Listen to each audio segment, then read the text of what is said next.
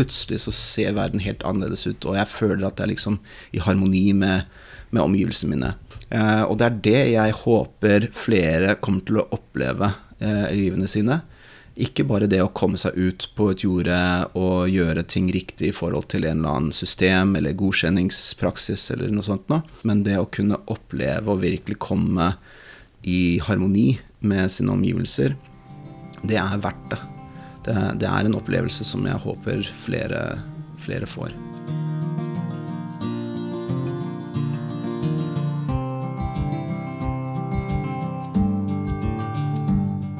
Hei og velkommen til podkasten Bak maten med Karoline. Stedet der du finner dype, ærlige og nyanserte samtaler om maten vår, landbruket og menneskers rolle i det hele. I denne podkasten forsøker jeg, Karoline Olum Solberg, å utforske roten av utfordringene vi står ovenfor i dagens matsystem, og løfte fram reelle løsninger for fremtiden. Løsninger som vil bygge opp igjen økosystemer og mennesker og ta vare på dyra våre. Jeg kaller det fremtidens regenerative matsystem. I denne episoden har jeg tatt turen til Andrew Macmillian. Andrew har i mange år jobbet i tech- og IT-bransjen, men kjente med kropp og sjel at det ikke var livet for han. Han kjøpte seg derfor et småbruk for å kunne tre inn i rollen som forvalter av økologi. På småbruket sitt driver han med produksjon av grønnsaker og frøavl. Han har vært aktiv i lokalpolitikken for De grønne og er styremedlem i Kvann. I denne episoden snakker Andrew om hvorfor han ikke tror teknologi er løsningen på utfordringene vi står ovenfor i samfunnet. Han snakker om å føle seg kallet til å ta vare på naturen, og hvor stort og vanskelig akkurat det kan kjennes. Han forteller også at det er viktig å tillate seg å sørge over det vi har tapt av natur, samtidig som vi bygger opp og tar vare på det vi har igjen. Andrew er også lidenskapelig opptatt av frø, og deler hvilke utfordringer vi står ovenfor i dag, og hvilke frøsystemer han ønsker seg i fremtiden. Før vi begynner episoden, har jeg lyst til å dele med deg at plantwhispers.no endelig er lansert. Plant Whispers er stedet du kommer til hvis du kjenner du er en gammel sjel som er her for å være med og snu om kursen. Snu om fra misbruk og rovdrift av natur, og være med og skape en ny verden ledet av hjertet, og med dyp respekt for alt levende. Det er stedet du får hjelp til å bli minna på hvem du er og hva du er her for å gjøre. Med intuisjonen din, mat, eteriske oljer, medisinplanter og kontakten med det spirituelle som dine viktigste verktøy. For å feire åpningen har jeg laget videoserien Lev og spis i takt med naturen, som du får tilgang på helt gratis. Det er en smakebit av nettkurset mitt med samme navn, og der får du tilgang til min viktigste visdom for tiden som kommer, en meditasjon for å komme i kontakt med din indre natur, video og guide om energi i mat, og innsikter om hvordan du kan bruke plantenes kraft i form av eteriske oljer for emosjonell healing og komme i kontakt med det spirituelle. Og kjenner du etter å ha vært gjennom denne videoserien at du har lyst til å gå enda dypere med meg, så har jeg laget nettkurset Lev og spis i takt med naturen, der jeg tar deg med på en reise gjennom ni temaer over tre og en halv måned. Kurset er designet for å vekke til live gammel visdom i deg, så du kan finne tilbake igjen hjem til din natur og det du er her for å gjøre. Så du kan få det livet du drømmer om, i frihet, overflod og glede, i tråd med din natur og i tjeneste til naturen rundt deg. Men ikke vent for lenge. Vi starter allerede 3. januar. Du finner mer informasjon om videoserien og nettkurset på plantwhispers.no. Da er det bare å si god lytt.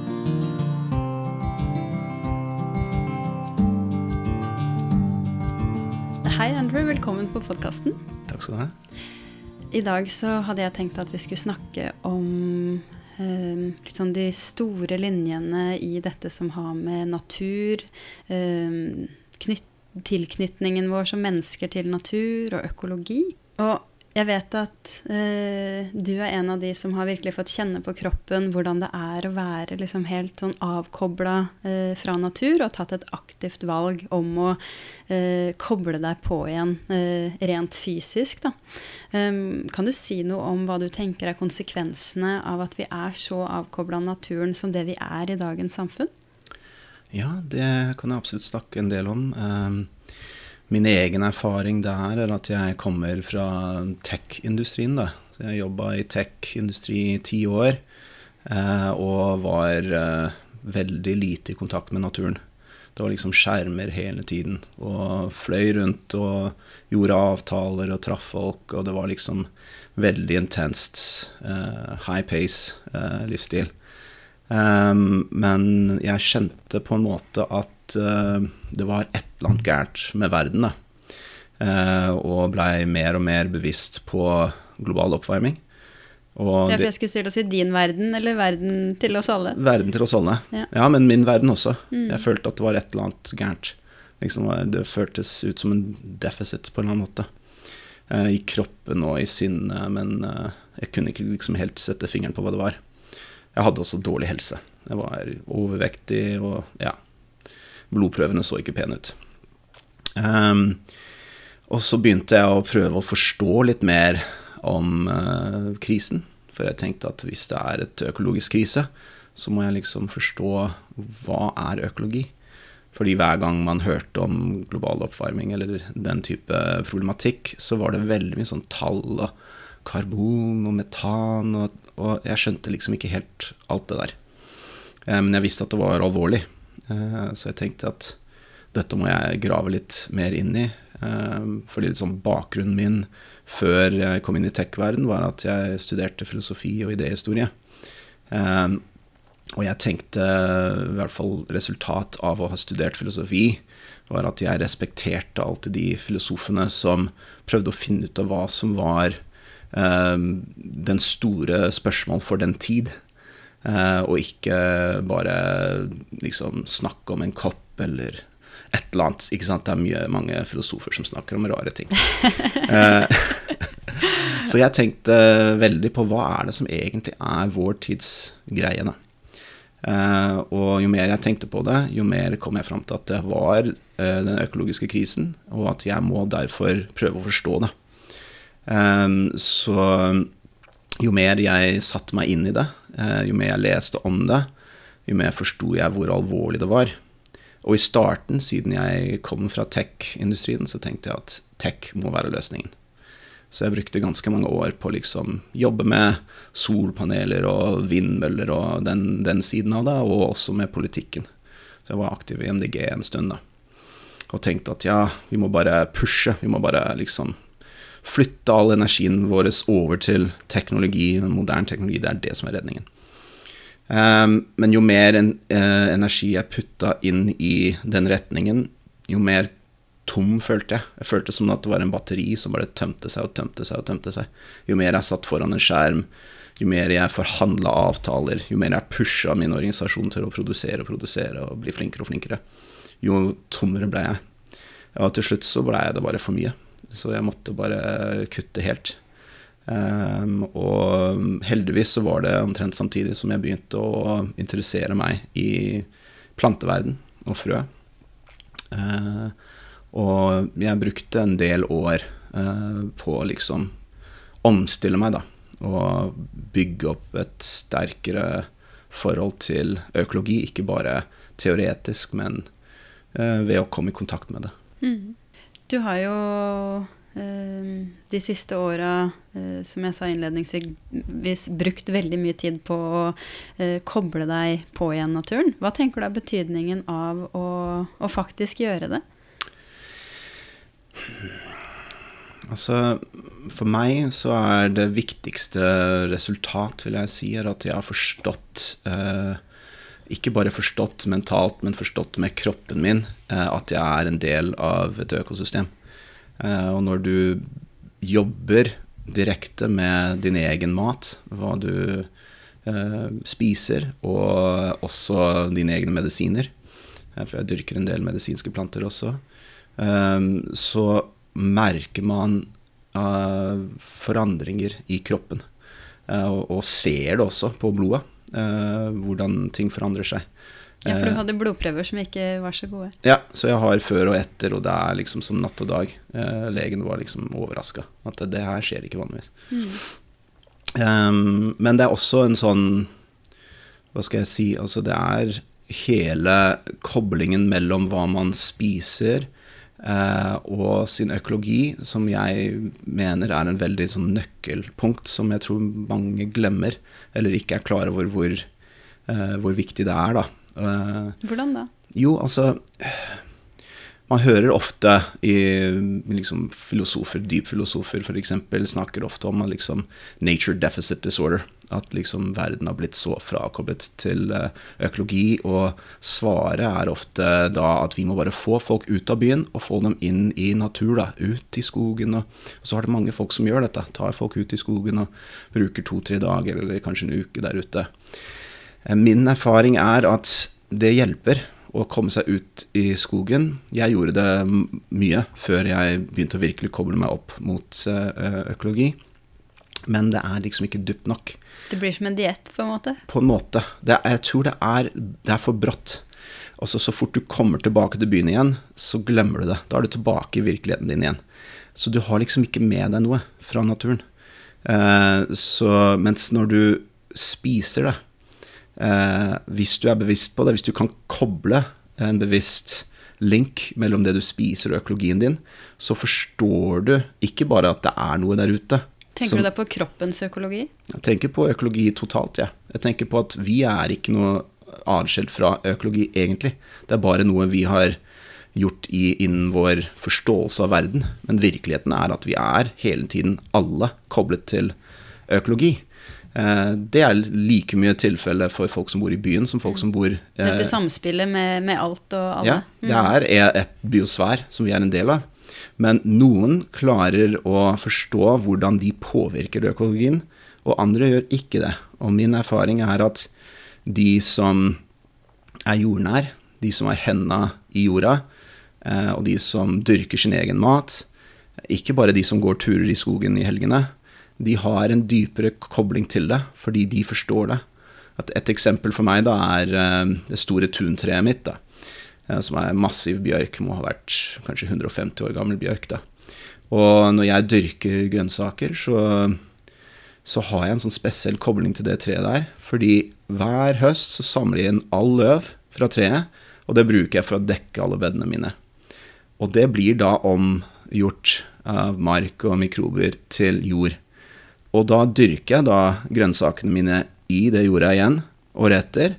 Og så, når de dør, så setter jeg dem under bjørketreet i komposthaugen. Så det er bokstavelig talt en sirkel. Og jeg er da bokstavelig talt ikke sånn metaforisk, jeg er en del av det treet. Og det treet er en del av meg. Jeg, jeg spiser, spiser, de løvene. Mm. Ikke sant? Så, men det, det, tar litt tid. Mikrobene må først spise dem. Og så må plantene utveksle næring med, eh, med mikrobene. Og så kan jeg spise dem. Så det er en sirkel. Og det, det, er, det, er, ikke sånn som du merker hvis du bare er ute i skogen en dag. Det er sånn som du må gå gjennom flere sirkluser med. Og det er den derre hjulet som jeg tror eh, folk ikke forstår, fordi de har ikke opplevd det. De opplever ikke, og det samme gjelder når du sparer frø. Da blir du koblet til litt økologi på et helt annet nivå, fordi blir, det blir som en del av din familie. Ja, og det, det, blir litt rart å tenke at man spiser sin familie, men sånn er det. ja. Sånn er virkeligheten. Vi, vi, det er økologi, det. Vi spiser og blir spist, alle sammen. Så å, komme inn i den verden, ikke mentalt, liksom, men fysisk, eh, det er Da har du en annen kobling til naturen som gjør at du da vil ta mye lengre tid før du ødelegger det. Du vil tenke to, tre, fire ganger før du ødelegger det. Fordi du skjønner at hvis du gjør noe negativt mot det jordet eller det treet, da gjør du noe negativt mot deg selv. Men i vår verden så er vi liksom så atskilt mentalt. Så vi gjør egentlig hele tiden ting som ikke er i vår egen beste, men vi klarer ikke å skjønne det, fordi vi er ikke koblet opp mot det. Mm. Og for de som uh, lurer på om, om, frø egentlig, eller virkelig er en del av din familie, så kan jeg skrive under på at det er det. For her sitter vi i spisestua di, og altså halve spisestua di er fylt med frø. så her har du virkelig invitert dem inn. Ja. ja nei, jeg syns det er eh, Det gir så mye glede. Og så er det Det er en sånn derre karmasak også, på en måte. At liksom når du har koblet deg inn mot gode intensjoner, så kommer ting tilbake til deg senere i livet som du ikke vet om kommer tilbake eller ikke. Men du må bare liksom stole på at du er en del av en sirkulus. Og du gjør din beste innenfor den, den dansen, og så håper du at ting kommer tilbake. Og stort sett så hvis du gir ut god energi, så får du det tilbake igjen. Men er, jeg kan si at jeg etter mange år med å, sendt, å ikke være bevisst på det, eh, så har jeg sendt ut ganske mye negative energier ut i universet, som også har kommet tilbake til meg senere. Mm. Så det er sånn Det er sånn jeg har opplevd det. Jeg tenker at det du snakker om der, kanskje for mange er eh, en stor barriere for å faktisk bli eh, et bevisst menneske. For det innebærer også at man er nødt til å se på hva man faktisk har sendt ut, og hva man har gjort mot seg selv og, og andre tidligere. Da. Og det, det kan være vondt. Da. Ja, og så er det det der med følelser, da. At uh, vi, er så, vi er så rasjonelt samfunn. hvor verden er så styrt av uh, liksom logikk. Uh, og hvis vi bare prøver å løse disse problemene med logikk, så har ikke, jeg har ikke noe tro på at det kommer til å fungere. Jeg tror på at det som er løsningen for klimakrisen og økologikrisen, er en emosjonell kobling. At vi må inn i en sånn det jeg kaller for en biosentrisk paradigme, hvor vi ikke ser på verden fra vår perspektiv nå som individer, men at vi ser det fra det hjulets perspektiv. Da. At vi er en del av et hjul, vi er en del av et nettverk, en del av et web. Eh, og det er først da eh, folk vil føle den smerten som sånne som jeg føler hele tiden, eh, når man er koblet opp mot et økosystem som skriker etter hjelp. Mm. Jeg vet du har, uh, har snakka om det her med å uh, på en måte gjøre sitt aller beste for å motvirke de uh, endringene, negative endringene i naturen uh, vi står ovenfor, samtidig som vi må anerkjenne at det er en sorg der over det vi har uh, mista allerede, da, som du var uh, inne på her. Kan du si litt om liksom, denne balansen? Og det å tillate den, den, sorgen, på en måte. Ja, altså Hvis du har levd mesteparten av livet ditt i uh, uh, den rasjonelle verden, som de fleste av oss gjør, um, og du går over og tillater uh, deg selv å bli um, berørt av naturen, um, så er det ekstremt vanskelig når du da får vite eh, hvor ille det egentlig står til med biosfæren.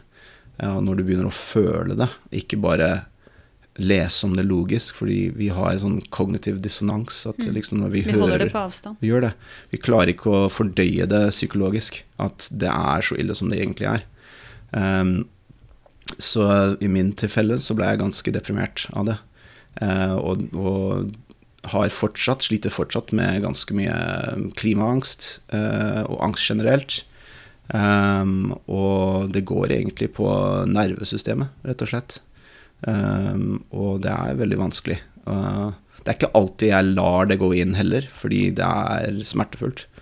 Så det er ofte så prøver jeg å holde det unna, men den liksom, i hvert fall i det siste, så har det bare begynt å komme uansett. Jeg klarer liksom ikke å holde det på avstand. Og og den å, å, kunne tillate seg å sørge over det som har skjedd, og som vitenskapen forteller oss kommer til å skje uansett. Om vi snur og vender alt vi kan akkurat nå, så har vi fortsatt innelåst eh, i hvert fall 30 år fram i tid. Eh, konsekvenser, karma, som vi har bygd, bygd, opp over flere hundre år med dårlig valg, eh, som kommer til å påvirke oss og fremtidige generasjoner ganske alvorlige eh, konsekvenser. Som kommer nå med, med lag? Det gjør det. Mm. Og det er, jo, det er, jo, hele den konsepten med karma. At liksom det, det, du har gjort i fortiden, det kommer tilbake senere. Sånn er livet bare. I, i sånn Norden-mytologi så var det en konsept som het weird. Eh, som også er en keltisk idé. Og det er litt det samme. At det er en, en, et element i livet som er bare litt rart. Som er eh, kan du si, fatalistisk, nesten. At det er en del av virkeligheten som man ikke kan gjøre noe med. Det vil ikke si at det er ingenting man kan gjøre i livet, eller påvirke, men det er aspekter med det livet vi lever, som vi må bare akseptere. Og det er ikke så lett å gjøre når det er spesielt de negative tingene. Det er lett å tenke at livet kommer til å være positivt og fint, og alt blir bra. Den derre amerikanske drømmen, ikke sant. Som de fleste fortsatt tror på. Eh, men når du ser på virkeligheten, og virkeligheten forteller deg at dessverre, det blir ikke så pent framover, så er det vanskelig. Og de fleste vil bare glemme det. Hva er det vi har tapt?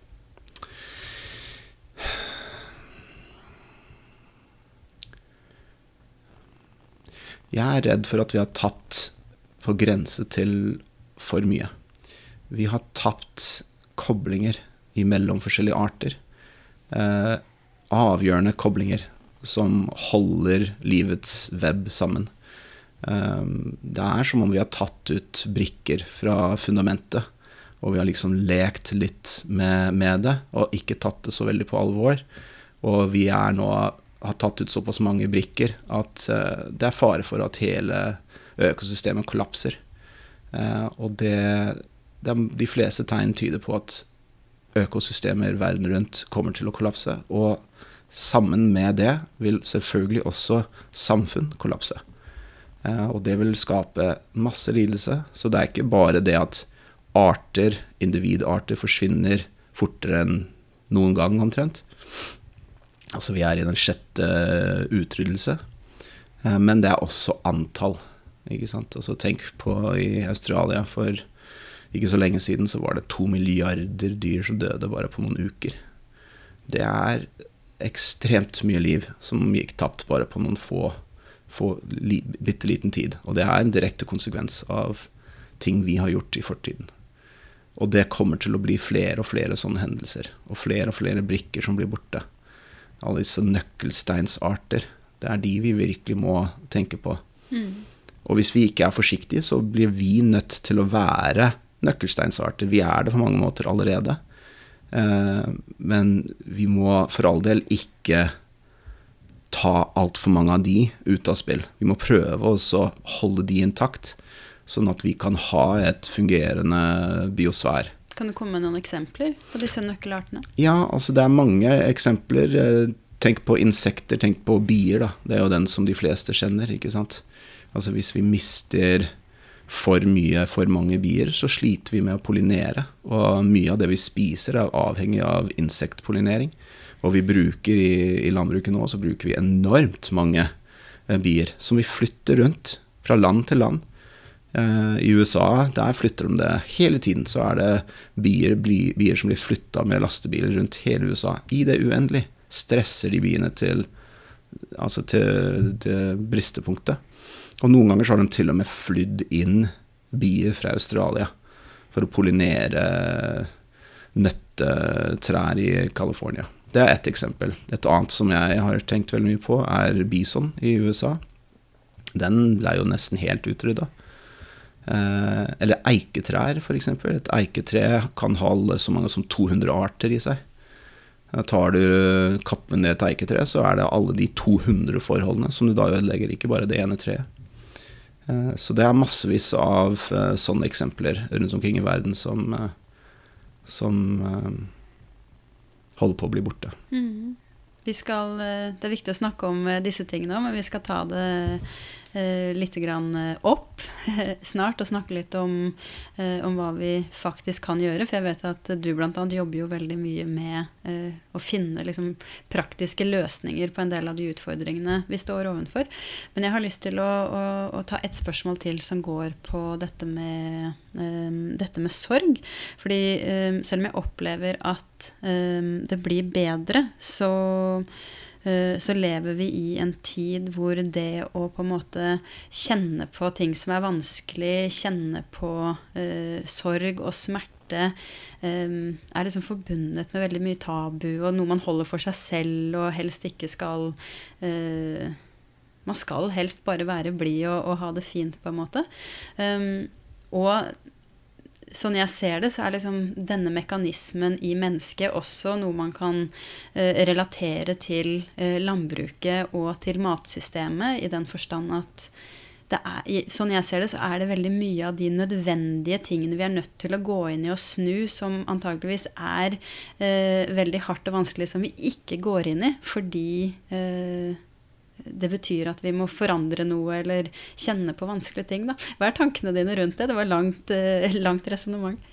Nei, det har jeg egentlig tenkt en, en god del på. Så det handler veldig mye om hvilken attityde eh, samfunnet har til vanskelige temaer.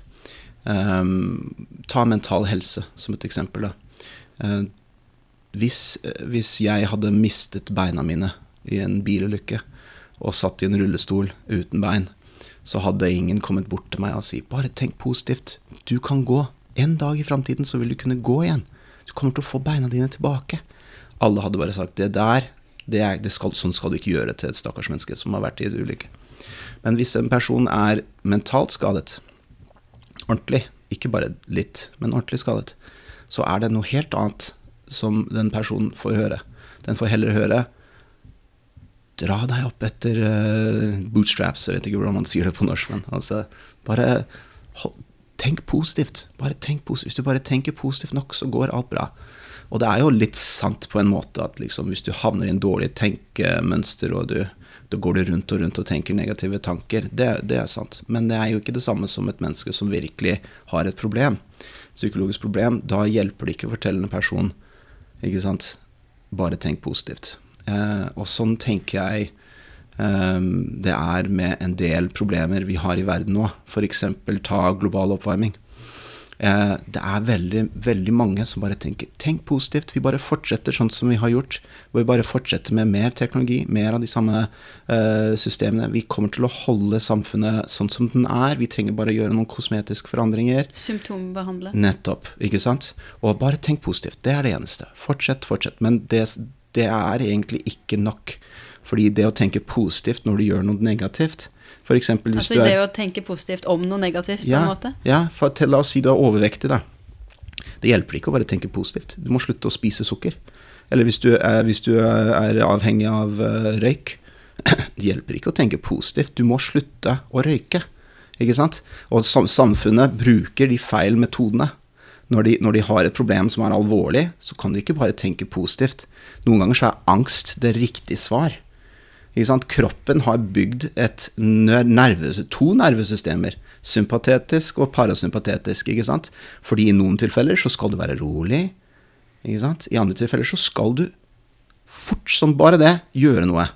Så egentlig er det en mekanisme for å gjøre deg oppmerksom på at nå må du endre noe? Ja. Det er det du sier? Nettopp. Og hvis samfunnet hele tiden forteller deg bare pust dypt og fortsett å gjøre ting som når, du, når, det, er, når det er livsfarlig, så er det feil medisin. Ikke sant? Og det er det jeg er redd for uh, skjer. Og det er det mange barn ser også. Uh, ikke sant? De ser at dette her løser seg ikke med å bare være rolig og fortsette. Det, vi må forandre eh, drastisk på ting. Og jeg føler at det er sånn i landbruk også. Jeg tror at mange av de måtene vi driver, er gammeldags eh, systemer. Eller egentlig, hvis du virkelig ser langt på et langt perspektiv, så er det uh, helt nye uh, metoder som kom inn med teknologi. Og, og, uten at vi liksom gravde dypt nok inn i det. Vi bare så at her er det noe kjempepositivt som kan gi oss masse fordeler. Men vi har liksom ikke tenkt igjennom hva er bakdelene. ikke sant? Hva er ulempene? For uansett hva du gjør i livet, så er det en trade-off. Du velger bort noe når du velger noe. Alltid. Du kan ikke ha i pose og sekk. Og det er det vi tror. Vi, vi, har trodd det de siste 150 årene.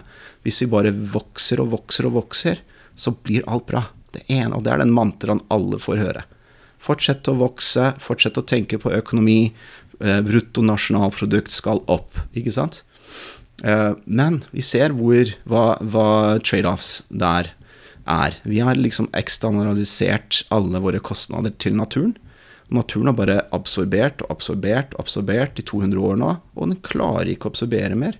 Den er, på, på, den er helt utkjørt. Så vi er nødt til å snu på det, og vi må nødt til å tenke nytt. Og vi er også nødt til å grave i fortida for å se hvordan ting ble gjort før. Eh, for å finne bærekraftige måter å gjøre ting på. Kanskje til og med regenerative? Absolutt regenerativt. Jeg tror veldig mye på det. Men jeg tror også at til og med regenerativt eh, kan bli enda sterkere. F.eks. dette med reproduksjon. Det er en stor greie for meg. Og det er ikke noe, en sånn tema som mange i regenerativt landbruk snakker om. Men jeg tror at hvis vi skal tilpasse oss, så er vi nødt til å reprodusere. Du kan altså Tenker du på å ta vare på frø? Ja. Planter klarer ikke å tilpasse seg på produksjonsnivå. De må reprodusere seg lokalt for å tilpasse seg. Og det er den jobben som egentlig skriker til oss nå at vi må gjøre. Altså lokal foredring. For, foredling? Ja. Vi er nødt til å flytte massevis av, av vår matproduksjon fra lenger sør til lenger nord. For du har liksom visse faktumer. Så f.eks. at uh, ved 35 grader celsius så slutter en del uh, planter, de fleste. De klarer ikke å drive med fotosyntese hvis det er mer enn 35 grader. Og hvis du drar ned til Frankrike, så skjer det oftere og oftere. Men her oppe i Norge så skjer det fortsatt veldig veldig, veldig få dager i året, kanskje én eller to dager i året, hvor vi når 36 grader i noen minutter, liksom. Mm. Så marginen vår, selv om global oppvarming kommer til å påvirke oss på mange måter mer enn Frankrike, fordi du må gange det med 1,5, fordi vi er såpass langt nord. Marginen vår er såpass mye større at vi vil tåle det. Og vi har vann, som mange steder lenger sør ikke har. Men det vi mangler, er lokalt tilpassa frø. Og det er ingen som fokuserer på det. Alle fokuserer på liksom midtsjiktet, for det er der penga ligger. Der mesteparten av landbruket er i dag. Hva betyr midtsjiktet? Eh, jeg tenker på, Hvis du tenker på land som Tyskland, Frankrike, jeg tenker Spania Foredling, foredling ja, tilpassa midtsjiktet i Europa. Og verden. Og verden ja. ja. Det er jo veldig lite som, eh, som skal tilpasses eh, Alaska og Norge. Men hvis du tenker hvis du virkelig tenker som jeg tenker, i hvert fall, at hvis du tar vitenskapen på alvor, så i løpet av 30 år så vil 100 millioner mennesker bare i Bangladesh-India-området være på flukt. Fordi global oppvarming kommer til å gjøre det ulevelig i, i det landet der. Og det er bare ett område. Sånn blir det over hele verden. Tenk deg 100, flere hundre millioner mennesker som flytter nordover og sørover eh, vekk fra ekvatoren, da, ikke sant? for det er for varmt. Og da må de spise noe. Men hvis vi ikke har gjort den jobben nå, for å begynne å tilpasse oss de forandringene, så ikke sant, altså det er jo Alle tenker fortsatt på at vi skal løse det problemet. Ja da, vi løser det. Vi holder det under 1,5. Men vitenskapen forteller oss at den sjansen er så lite nå. Og jeg som har sittet bare så vidt en periode i lokalpolitikken, jeg har ikke noe tro på at politikerne kommer til å klare å, å snu dette her i løpet av de ti årene som vi har igjen eh, å snu det. Jeg har ikke tro på det. Eh, virkeligheten forteller meg at det, kom, det kommer vi ikke til å nå, og da er vi nødt til å tilpasse oss. Og det er ingen som snakker om det, ingen som jobber med det. Det er alvorlig ting. ikke sant? Det er snakk om mange, mange liv. Og hele planeten må tilpasse seg. Og vi må begynne å jobbe med å tilpasse oss nå. Det er ikke gøy å tenke på det. det man blir deprimert av å tenke på det, men man er nødt til det. Man har ikke valg. En ting som, eh, som kommer opp for meg nå, er det her iboende, eller den iboende motstanden i mennesker mot forandring. Mm. Uh, uh, jeg har veldig lenge vært uh, opptatt av dette med selvutvikling og hele tiden liksom prøve å bli Eh, utfordre meg selv og bli en bedre versjon av meg selv. Eh, og i å på en måte være så bevisst på disse prosessene, og også hva det betyr i form av å liksom bryte ned, gi slipp og gå gjennom smerte og sånn, så blir jeg jo også veldig bevisst på hvordan de aller fleste eh, hater å gå inn i disse tingene og heller sitter og holder seg fast i det gamle, selv om det er minst like smertefullt som å gi slipp og eh, gi seg hen til den forandringen. da. Så hva er tankene dine om å liksom få en hel verden som er mennesker, og som egentlig stritter imot forandring, til å, å akseptere virkelig dyp forandring på kanskje alle plan? Det ærlige svaret mitt er at jeg ser ikke så veldig lyst på det.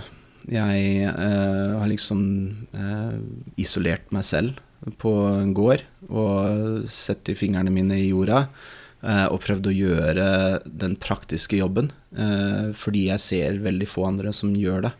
Eh, og jeg føler en type ansvar, for jo mer kunnskap og forståelse og bevis, jo sterkere bevisstheten din er Jeg ser på det som en gave som da har en trade-off. Og det er at du da må ta ansvar for den verdensbildet eh, og den informasjonen som du eh, har fått eh, som en gave, føler jeg da. Eh, men det er en gave som er slitsomt. Altså det, det, jeg må si at jeg syns det er veldig vanskelig å forholde meg til gjennomsnittsmennesket. Fordi de, jeg lever i en helt annen univers. Og ofte så syns jeg det er veldig fint å bare slappe av og kose meg og ha bursdagsselskaper og jul og reise og henge med familien og se på TV. Alle de tingene der. Men så er det alltid et eller annet under som bare liksom er der og liksom gnager på sjela mi. Ikke sant? Du har ikke tid til det der. Vi har ikke tid til det der hele tiden. Og det er slitsomt. Men sånn er det. Jeg kan ikke gjøre noe med det. Eh, jeg føler at eh, Jeg føler at liksom hele verden har blitt så opptatt av seg selv. Eh, vi, er, vi lever i ego, ikke sant. Og en sånn Arne Næs dyp økologisk perspektiv som jeg fikk for ti år siden, det økologiske cellet, hvor du liksom ser på deg selv som en del av hele naturen. Ikke bare nå, men gjennom all tid. Ikke sant? Også tenk på hjerteslaget ditt som går tilbake til første hjerteslag. Alle pustene dine. Uavbrutt. Helt tilbake til første pusten. Ikke sant? Og med muligheten til å fortsette ti ganger så lenge som vi har levd, inn i framtiden. Eller enda lengre. Men så kutter vi det bare fordi vi er så selvopptatt med akkurat nå. Vår generasjon nå. Det, det er den største tragedien eh, som, som jeg kan tenke på, egentlig. Jeg kjenner meg veldig godt igjen i, i det du sier om å, å, føle at du har et ansvar, og føle at du har et kall. Og både på en måte den podkasten her og andre prosjekter jeg gjør, uh, kjennes veldig ut som et kall, og den derre stemmen med at jeg har dårlig tid og, uh, og og innimellom så er det akkurat som du sier, at det nærmest går utover resten av livet mitt fordi jeg kjenner at det her er så viktig, da. Men uh, for meg så har det virkelig vært en øvelse og en, en balanse i å bare Nå må jeg legge det fra meg. Jeg er også mamma, jeg er også venninne, jeg er også uh, kone. Jeg har, jeg har, andre ting som jeg på en måte også må bruke energien min på. da. Men det, ja, det er en, en, en, spennende utfordring å på en måte balansere dette kallet om å være med og, og, og redde jorda og leve et normalt liv. da. Ja, um jeg er enig med deg. Det er, det er eh, noe man må liksom balansere. Uh, og jeg syns også det hjelper veldig å ha andre folk rundt seg som har i hvert fall litt av samme forståelsen. Det eneste som virkelig hjelper meg når det gjelder nerver og når det gjelder den klimaangsten, uh, det er faktisk å jobbe med økologi det er å ha henda i jorda. Og jeg tror at litt av det vi har mista i landbruk, er nettopp det der med å fysisk ha kontakt med planter og jord. Og ikke bare ha en eller annen maskin som er imellom oss og naturen. Eh, jeg føler at det er noe veldig usunt med å alltid ha en eller annen teknologisk eh, redskap mellom deg og virkeligheten. Eh, så selv om det er mer jobb, og man blir mer fysisk sliten av det, så har jeg mer tro på et landbruk hvor vi har flere folk som er i direkte kontakt med økologi. Eh, og jeg håper på en verden hvor folk begynner å flytte ut av byen, spesielt de som har klimaangst. Eh, for det første fordi naturen trenger dem virkelig, og trenger dem ikke bare på Kapp 26 i Glasgow, men den trenger dem i økologi. Ikke, ikke, bare på det mentale, ikke bare på den aktivistsiden, eh, men fysisk. I naturen. I naturen. Vi, vi, bør alle ha et område som vi eh, tar vare på. Eller i hvert fall er koblet til på en eller annen måte. Hvor vi føler at vi gjør noe positivt i virkeligheten, ikke bare teoretisk. Du var inne på, på dypøkologi og Arne Nessis. Da. Vil du si litt mer om hva uh, dypøkologi er for noe? Ja, absolutt. Altså, jeg kom inn til eh, dypøkologi via filosofistudiene på Blindern. Eh, det var som jeg sa i stad, om eh, Jeg prøvde å tenke på hva er liksom vår tids sak, da. Og kom fram til at det må være global oppvarming. Og så tenkte jeg ja, men Arne Næss han har jo snakka mye om dette. Så da begynte jeg å lese han, og skjønte at wow, han, han hadde egentlig veldig mye positivt å si. Og hadde på mange måter eh, løsningen. Eh, og så begynte jeg å grave dypere i dypøkologi og fant ut at det er ikke bare Arne Næss, det er liksom han vi kjenner i Norge. Men hvis du drar til USA, så er det andre mennesker. Hvis du drar til Tyskland, så er det andre. Og en som har virkelig gjort en stor uh, inntrykk på meg i det siste, en som heter Hans Jonas. Som var litt tidligere enn Hans Arne Jonas uten etternavn? Hans Jonas, det er etternavnet hans. Oh, ja, okay. og han, han, hadde noen kjempebra tanker han så veldig mye på teknologi eh, med stor skepsis, og tenkte at ja, vi er nødt til å finne en annen måte å forholde oss til økologi på. Og han eh, tenkte ekstremt dypt på det. Han tenkte veldig på et, liksom et nytt etisk system.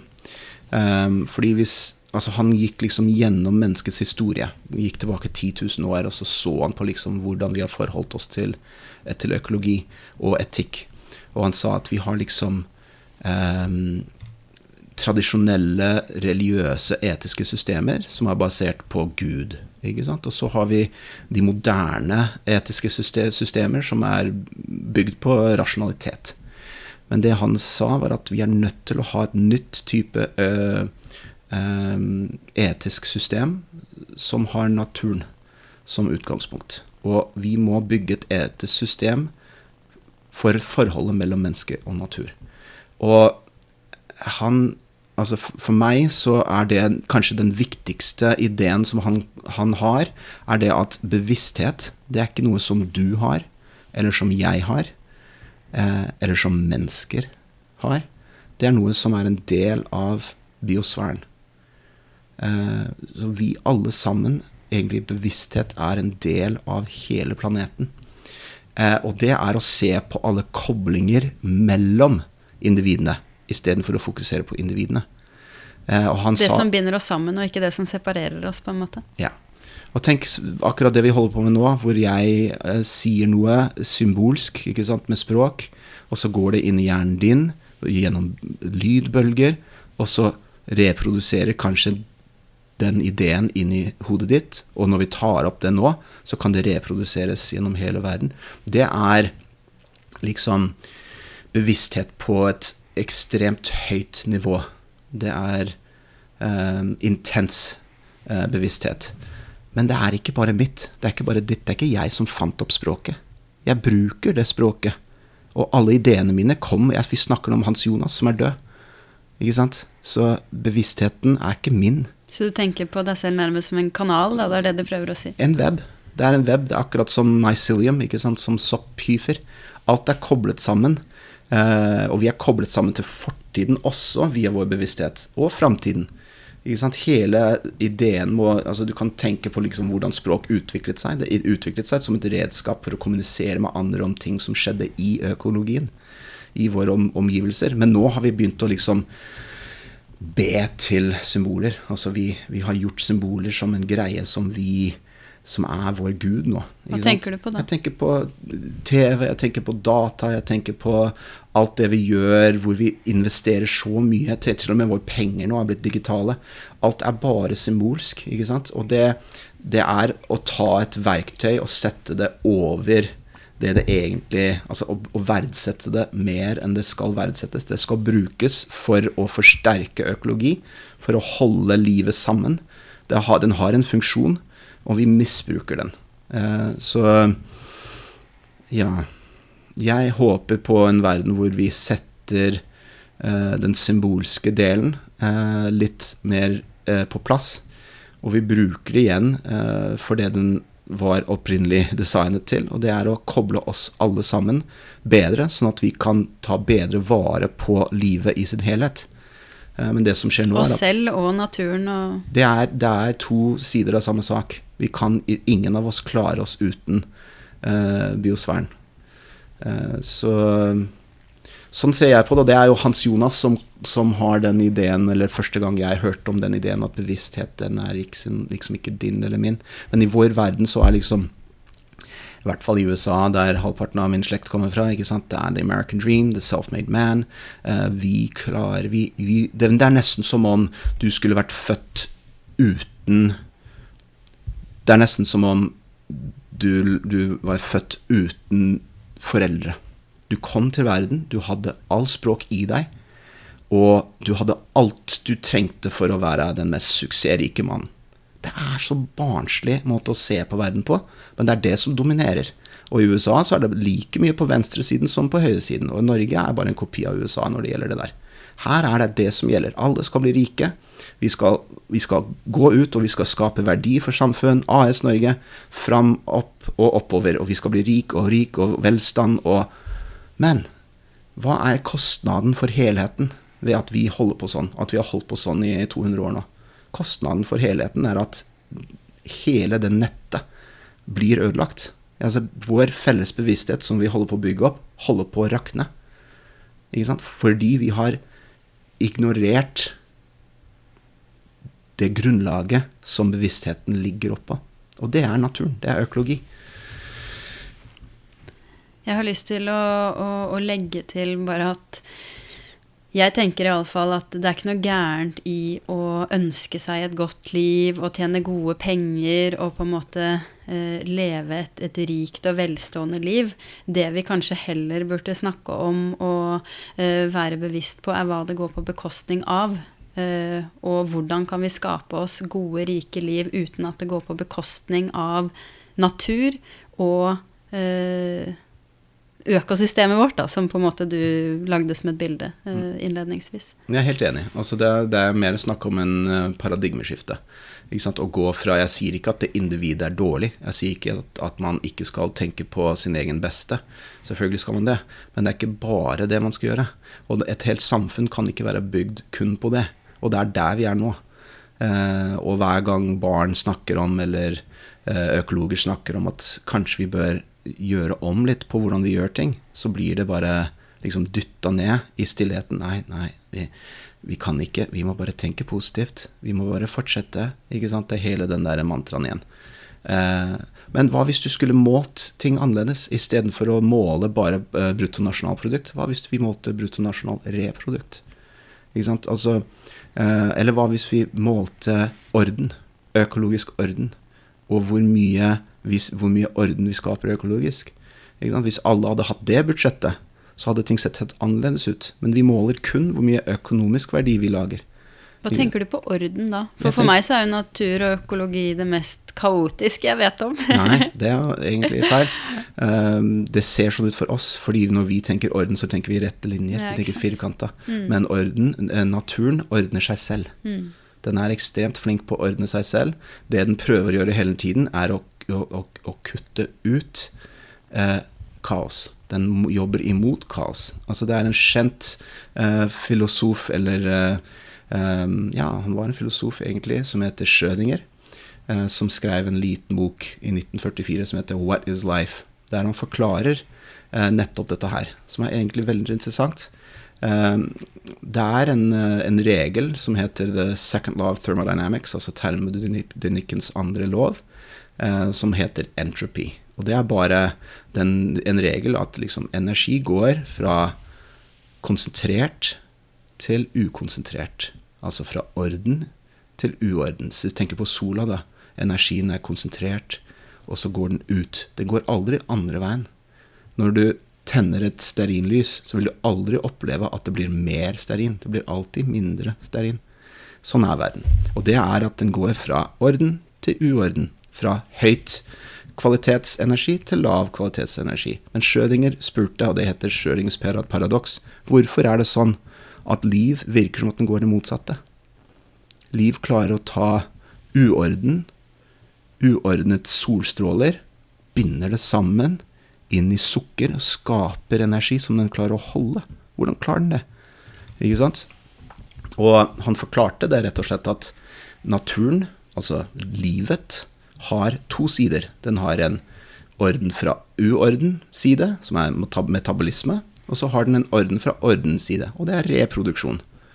Ikke sant? Og du må forstå begge de to, og hvordan de jobber sammen, for at du skal kunne imotstå kaoset.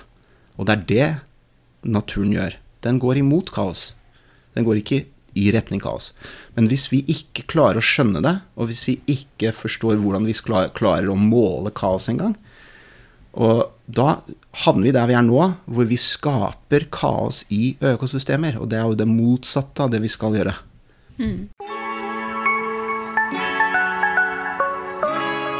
Nå var du inne på noen uh, vitenskapelige uh, prinsipper her, men jeg opplever at i, uh, i mye av denne dypøkologien så ligger det mellom linjene at, at, det finnes noe mer mellom himmel og jord. Dette man gjerne kan kalle spiritualitet. Um, og jeg vet du også tenker at Eller opplever at, at verden er sånn. Så jeg lurer på vil du si noe om hvordan eh, denne eh, spiritualiteten på en måte er relevant for landbruket? Absolutt, og jeg kan også binde det sammen med orden, som vi snakket om. Um, etter Når jeg først begynte å jobbe med økologi, så syntes jeg det var veldig vanskelig. Jeg, jeg streiv veldig. Og skjønte liksom de mytene som ligger i liksom kristendommen. ikke sant? At liksom man er uh, cursed to till the soil. ikke sant? At man må liksom jobbe og slite seg. altså Alt det der med at uh, å være en småbruker, det er hat. ikke sant? Det er jo nesten en del av den norske folkesjelen, det. Um, og jeg begynte å føle det, og så begynte jeg å tenke oh my god, jeg har ikke lyst til å leve det livet her. Jeg har ikke lyst til å slite meg i hjel. Um, men etter at jeg begynte å lære mer og mer om økologi, og hvordan økologi faktisk fungerer, og begynte å komme oss på lag med øk økosystem. Begynte å tenke reproduktivt, begynte å tenke økologisk orden, ikke menneskeorden. Så begynte jeg, et, begynte jeg å føle meg mer og mer i samsvar med min økologi. Og plutselig en dag så var det som om en bryter blei slått på, og jeg sto bare i drivhuset mitt, og plutselig så var det som om alt skinte. Det var som om det var en helt annen virkelighet som jeg var i. Og jeg skjønte ikke hva det var, men det var deilig. Og jeg var der i par, bare et par minutter og, og syntes det var liksom Det var klimaks. Eh, og så ble det borte igjen. Og så tenkte jeg veldig på hva er det? Hvordan, hvordan har det seg at plutselig, etter mange mange år med slit, så plutselig så ser verden helt annerledes ut, og jeg føler at jeg er liksom i harmoni med, med omgivelsene mine. Eh, og det er det jeg håper flere kommer til å oppleve eh, livene sine. Ikke bare det å komme seg ut på et jorde og gjøre ting riktig i forhold til en eller annen system eller godkjenningspraksis eller noe sånt noe. Eller å bare bli selvforsynt. Eh, alle de tingene er positivt. Men det å kunne oppleve og virkelig komme i harmoni med sine omgivelser, det er verdt det. Det, det er en opplevelse som jeg håper flere, flere får jeg syns jo på en måte dette krysningspunktet mellom eh, spiritualitet og eh, denne mystikken rundt om det finnes noe mer mellom himmel og jord, og det å begynne med seg selv og eh, bli et skikkelig bra menneske, og det krysningspunktet mellom mat og landbruk er utrolig spennende. Og gjennom bl.a. den podkasten her og et par år som trainee og eh, noen år i landbruket nå, så så har jeg jo snakka med veldig mange forskjellige bønder.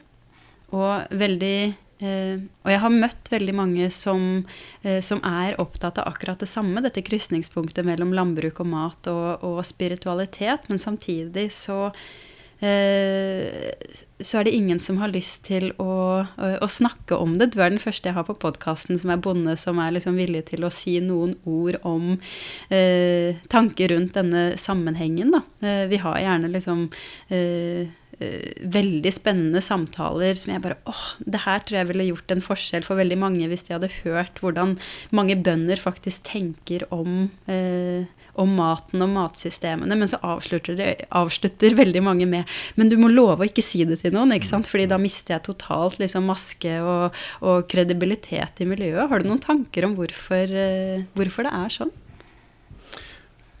Ja, altså Det er jo Fra mitt perspektiv da, så handler det veldig mye om dette med, med bevissthet igjen. da at hvis du ser på bevissthet som noe som jeg har, eller som du har, ikke sant, som ikke er koblet til hverandre Altså, når vi snakka om det i stad, så var det veldig sånn bevissthet mellom mennesker. Men jeg tenker på bevissthet med dyr.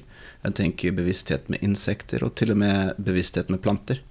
Eh, alt dette er en web som er koblet sammen, så jeg tror at eh, Hvis du vil kalle det for spiritualitet, eh, så forstår jeg hva du mener. Eh, og jeg føler at det er på en måte en, en spiritual greie.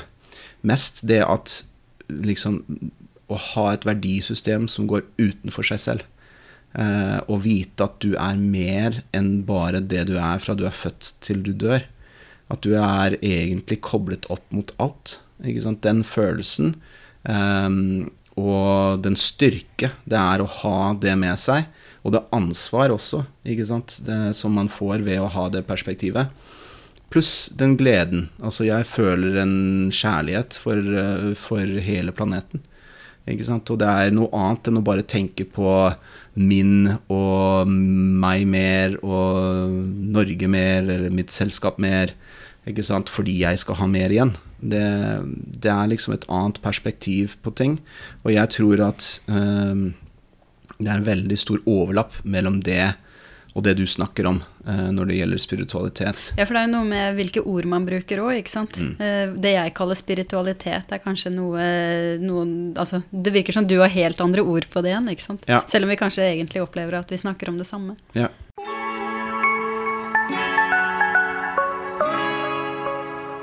I denne podkasten så er jeg jo på jakt etter det jeg kaller fremtidens regenerative matsystem. Altså ikke hva regenerativt landbruk er, men eh, et helt system som er gjenoppbyggende, og som på en måte reparerer alt vi har bygd ned. Veldig mye av det vi har snakka om i, i, denne episoden.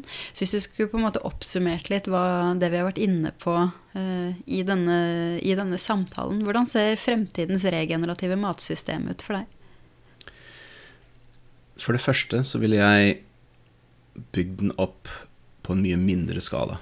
Så jeg ville ikke hatt store uh, enheter hvor du har nesten ingen mennesker og masse maskiner og masse kloner. Um, og, og, og, altså kloner, da tenker du på plantemateriale? Ja. Um, jeg ville heller hatt et uh, økosystem jeg ville hatt mennesker Jeg har ikke noe tro på at vi skal ha en verden i framtiden hvor du har halvparten av planeten som er vill, og halvparten av planet som er kultivert. Jeg tror at nøkkelen er at vi går litt mer tilbake til sånn som det var før. Um, hvor folk var direkt, i direkte kontakt med økologi. Og det er mange som sier at ja, men det vil jeg ikke. Det vil, det, det vil ingen. Alle vil by, bo i byer. Eh, men jeg, jeg, har bare ikke tro på at det er en, en langsiktig løsning. Um, I hvert fall ikke uh, sånn som det er nå. Jeg tror vi må, pendelen må svinge tilbake. Vi kan ikke ha 2,5% av befolkningen i landbruk. Vi må opp til kanskje 15 eller enda mer. 20% Og det skal være eh, et godt liv å leve på landet. Det kan ikke være sånn at du sliter deg ut og og at du er deprimert, og at du nesten ikke klarer deg økonomisk. Det sier litt om hele samfunnet. Det sier ikke så mye om landbruk. Eh, fordi landbruk har blitt mer og mer effektivt, så det er ikke noe logikk i at folk da skal slite sånn som de gjør nå. Det er rett og slett pga. vår eh, økonomisk system. Industrialisering av landbruk, eh, først via store maskiner, og så senere med hybrider på 30-tallet, førte til at færre og færre gårder sparte sin, sine egne frø, fordi hybrid, du kan ikke spare gode frø fra hybrider. Hva er en hybrid? En hybrid er egentlig bare Det er ikke noe gærent med hybrider. Jeg er en hybrid, egentlig. Eh, det er en, en krysning mellom to forskjellige sorter, rett og slett. Eh, og det som de fant ut eh, på 20-tallet, var at når du kryssa to sorter, så fikk du noe som het hybrid vigor. Det vil si bare at hybrider de har en type mer vigorøst eh, energi, kan du si, på en måte. De er sterkere. Og så er de også uniforme. Og det passer kjempebra inn i maskiner, for maskiner er uniforme. Og de trenger da planter som er uniforme. Så det, det passa veldig bra med at liksom industrialisering av landbruket, som virkelig tok av på 30-tallet, da kom det også alle disse hybrider inn. Og de erstatta alle disse open eh, source, eller hva heter det, ikke open source, men um, Åpenpollinerte? Åpenpollinerte, takk. Åpenpollinerte sorter. Uh, og åpenpollinerte betyr egentlig bare at foreldrene er mer eller mindre lik, lik barna. eller omvendt. Uh, og det skjer ikke når du har hybrider, selvfølgelig, fordi du krysser to forskjellige sorter. Uh, barna blir noe helt annet, og første generasjon heter da F1. Og de er, eh, de er, det er det det brukes mest av i, i, landbruk.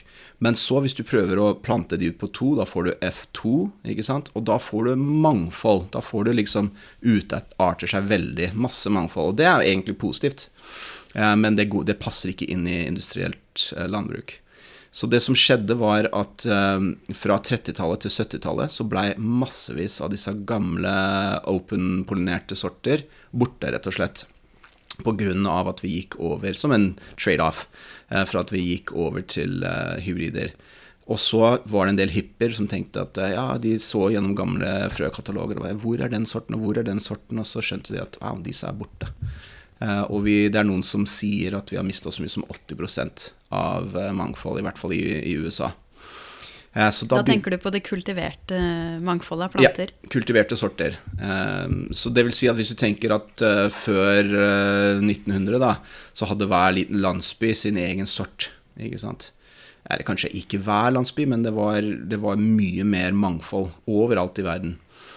og så, når det ble større og større gårder og færre og færre småbrukere, og færre og færre sparte sin egen frø, så ble alle de bare borte. For det var Hvis ingen reproduserer dem, så blir de borte.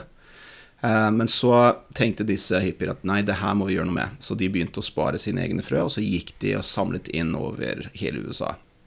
Du var jo um, litt inne på det um, da du snakka om liksom frøs uh, historiske betydning i stad. Men kan du si noe mer om um, betydningen av å ha rettigheter til å uh, ta vare på sine egne frø og drive med foredling på gården? For jeg vet at de siste uh, jeg vet ikke, kanskje 50-70-åra, det vet sikkert du mer, en, mer, om enn meg, så har det blitt eh, en del liksom, regelverk rundt det at bonden faktisk kan ta vare på egne frø. Da. Mm.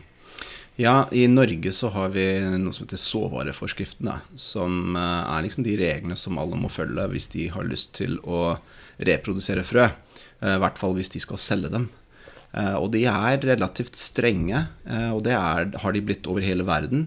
På en måte så er det en positiv ting. Altså, det er viktig at eh, hvis du skal dyrke en stor åker med et eller annet, at du får god såvarer, sånn at du ikke mister livsinntekten din. Og det er liksom det som en grunnlag, eller baktanke, at at såvareforskriften eh, ble til. Men den skal også være der for å ta vare på, på mangfold. Eh, og dessverre så er det sånn at eh, reglene, internasjonale regler rundt frø har blitt strengere og strengere, spesielt i forbindelse med at mer og mer av eh, verdens frømangfold har blitt kjøpt opp av få eh, selskaper. Det er noe så mye som 70 eller 65-70% av alle frø nå eies av fire internasjonale selskaper. Så man kan faktisk eie rettighetene til å bruke et frø? Ja, man kan det. Eh, og hvis du skal reprodusere frø i Norge, så må du faktisk registrere det. Du kan ikke bare reprodusere frø og så selge dem. Men så eh, har det vært en motbevegelse mot dette. Eh, Via Campesina er en sånn eh, bondets rettighetsorganisasjon som er verdensomspennende. Og de har jobbet mye mot FN på å prøve å få ny lov, som egentlig ble en lov i 2018 som heter The UN Declaration on the Rights of the Peasant. Som går ut på det at prøver å fastsette rettigheter til uh, småbrukere uh, i hele verden. Uh, og der, i den ene paragrafen der, handler om frø. Jeg tror det er paragraf 18, og der står det at småbrukere, eller peasants, har rett til å produsere, dele og selge sine egne frø. Så den, den er jo en ganske ny lov, og de fleste jeg kjenner, har ikke hørt om den engang. Alle har hørt om The UN Convention of the Rights of the Child, f.eks., men ikke om den her. Eh, og den er egentlig ikke i samsvar med de fleste landets eh, såvareforskrifter, eh, inklusiv Norge. For i Norge så er det ikke sånn at bare fordi det er småbruker at du har rett til å selge dine egne frø. Så det er noe som jeg mener, og flere er enig med meg om det, at småbrukere burde få lov til å selge sine egne frø. Kanskje ikke til andre gårder som produksjonsfrø, men i hvert fall i små porsjoner til hobbybrukere. Og det, det er en tanke for myndighetene å prøve å se på de reglene en gang til, og se på hvordan man tolker de. I Danmark har de nå Eh, begynt å tolke såvarereglene der helt annerledes. Så nå kan eh, småbrukere, og faktisk hvem som helst, kan selge små porsjonspakker med frø til hobbybruk, og det telles ikke som eh, liksom en del av såvareforskriften. Og det vil da åpne opp muligheten for å ta vare på en mye større mangfold av kultivarer. Du var kanskje litt inne på det med den siste setninga di her, men hva er egentlig betydningen av, hvis vi skal snu på det, av ikke å ha muligheten til å foredle og ta vare på egne frø? Altså det, det, er litt sånn det samme som vi snakka om det som skjedde med eh, hybridrevolusjonen eh, på 30-tallet. Det var mye positivt med det, men det er alltid en trade-off. Eh, og mangfoldet var jo kostnaden. Eh, det samme føler jeg er tilfellet med å ha altfor strenge såvareforskrifter. Det fører til at småbrukere føler at nei, det her er ikke verdt for meg å se på engang, fordi reglene er så komplekse. Og jeg må søke, og så må jeg betale Så det er masse, masse ganske, ganske komplekse regler som man må følge hvis man skal få det til. Og det da gjør at veldig få i Norge så er det veldig få som eh, reproduserer grønnsaksfrø, f.eks. Korn er noe annet, eh, men grønnsaker er det nesten ingen som, som reproduserer. Mesteparten av frøene våre, inklusiv de vi får fra frø, norske frøselskaper, kommer fra lenger sør. Og ulempen med det er at eh, i en verden som er i en så raskt eh, endring som vi er i nå, med global oppvarming, så tilpasser planter ikke seg til de endringene. Vi får frø som er tilpasset områder mye lenger sør. Og mange tenker ja, men hva er, er, det så viktig? Jo, det er faktisk ganske viktig. Fordi lysforholdene her oppe i nord er ekstreme. Og planter er veldig sensitive til lysforhold. Så f.eks. hvis du prøver å så spinatfrø da, inn i, på gården min, jeg har prøvd det i mars, prøv å så det, så går det bare rett til stokk. Det, rett, det, blir, det blir reproduktivt med en gang. Det vil da si at for de som på en måte ikke kjenner til det her i det hele tatt, så vi ønsker du jo å ta vare på bladene til spinaten, men så blir den på en måte lang og strekker seg og går i frø, da. Mm. Så det er ikke frøene på spinaten man spiser, det er bladene. Eh, så hvis du vil, eh, hvis du vil dyrke spinat, så er du nødt til å enten dyrke det på en helt annet tidspunkt, eller bare ikke dyrke det. Mm. Um, eller så kan du dekke over sånn ikke får lys, men det er jo veldig mye jobb bare for å få litt spinat. Mm. Uh, så det vi, det vi, trenger å gjøre, og det er en, en, av prosjektene jeg har på gården, er å prøve å tilpasse planter norske forhold. Og det, jeg skal ikke gå inn på hvordan man gjør det, men det går an å faktisk gjøre det. Det tar generasjoner. Det, tar mye, det er en del jobb. Heldigvis er jo plantegenerasjonene gjerne ett år og ikke 80 år. Ikke men det tar jo fortsatt veldig lang tid. Det gjør det. Det kan ta, det kan ta lang tid. Eh, det tar mindre tid jo flere det er som samarbeider eh, på det. Det er noe som heter participatory plant breeding. Og det vil si når flere gårder samarbeider på et uh, avlingsprosjekt. da. Deltagende planteforedling, tror jeg vi kaller det på norsk. Takk. Eh, og det kan godt skje. Ofte så skjer det ved at en eller annen institutt som en universitet styrer det. Men det kan også bare være sånn at det er flere gårder som samarbeider på det. Det er sånn som jeg vil se eh, skal ta av i Norden. At vi har massevis av sånne prosjekter hvor folk jobber med å tilpasse og skape våre egne frø. Min visjon for Norden er at vi har akkurat sånn som vi har nå, hvis du går til lokale kommunale bibliotek, så kan du bare låne en bok der. Jeg ser for meg at eh, i hvert fall regioner, hvis ikke helt ned på kommunenivå, har et reproduktivt senter eh, som liksom styrer reproduksjon for den regionen. Og de har sine egne til lokalt tilpasset frø. Sånn bør det være. Sånn var det før. Eh, og det er det som egentlig er eh, tilpasningsdyktig, da. Hvordan kommer vi dit igjen? Det er rett og slett ved at folk eh, skjønner at det er viktig, og at folk tenker litt mer langsiktig. Og at vi ikke stoler på at disse store koblinger verdens uh, kommer til å vare. Jeg har lite tro på at verden kommer til å være såpass stabilt at vi kan vedde på at vi kan få, til, få, tilgang til frø fra andre steder. Og heller ikke tror jeg på at de frøene vil være bra nok i framtiden. Vi er nødt til å begynne å jobbe med våre egne, våre egne frø. Du nevnte jo dette begrepet 'peasant' i stad, som kanskje på norsk kan, eh, kan kalles eh, småbruker. Og jeg vet du har sagt tidligere at eh, 'peasants' er eh, 'the real stewards of ecology'.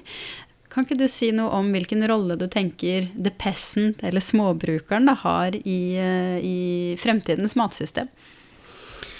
Absolutt. Ehm, det er dessverre sånn at opp gjennom tidene kanskje helt tilbake til da landbruk startet for rundt 10 000 år siden, så har småbrukene hatt, eh, eller peasants hatt, en sånn negativt eh, klang. Det er ingen som har hatt lyst til å være en småbruker. Det er blitt sett, eh, sett på som noe negativt, som liksom helt på bånn av samfunn. Um, men uh, jeg føler at det, det, er veldig synd at det er tilfellet.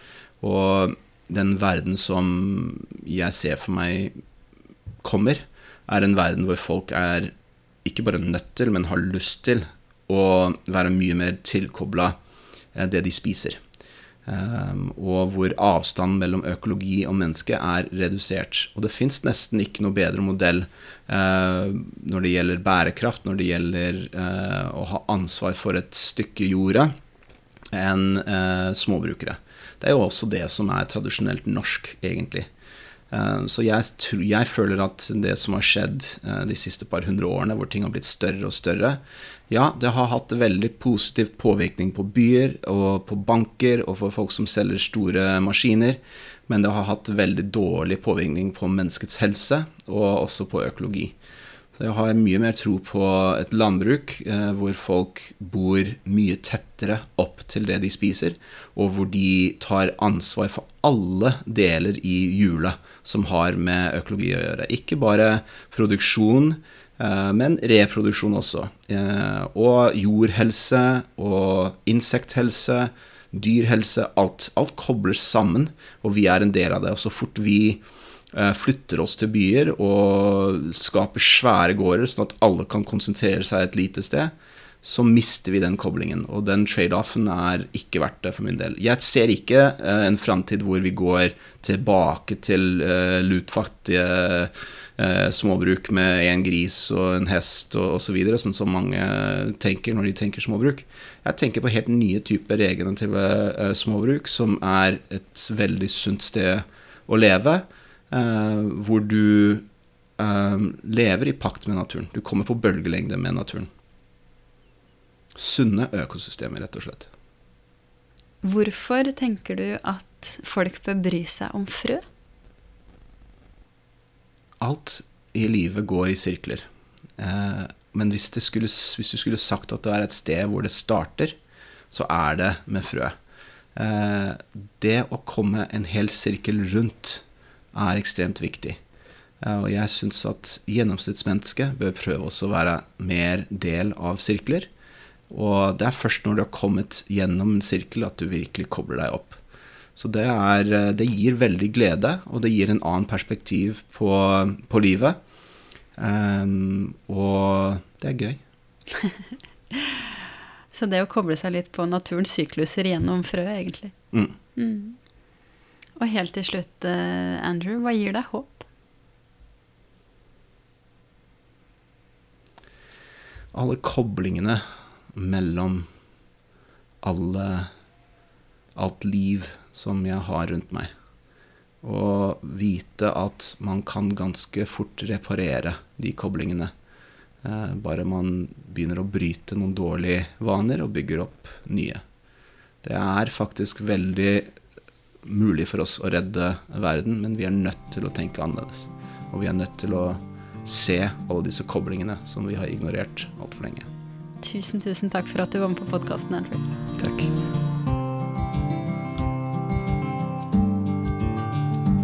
Tusen takk for at du hørte på denne episoden som er laget av meg, Karoline Aalum Solberg, sponset av økologisk.no. Musikken er produsert av Creo og Liro Sever. Husk at hvis du vil gå fremtiden i møte i takt med naturen, så melder du deg på videoserien Lev og spis i takt med naturen helt gratis nå. Du finner den på plantwhispers.no.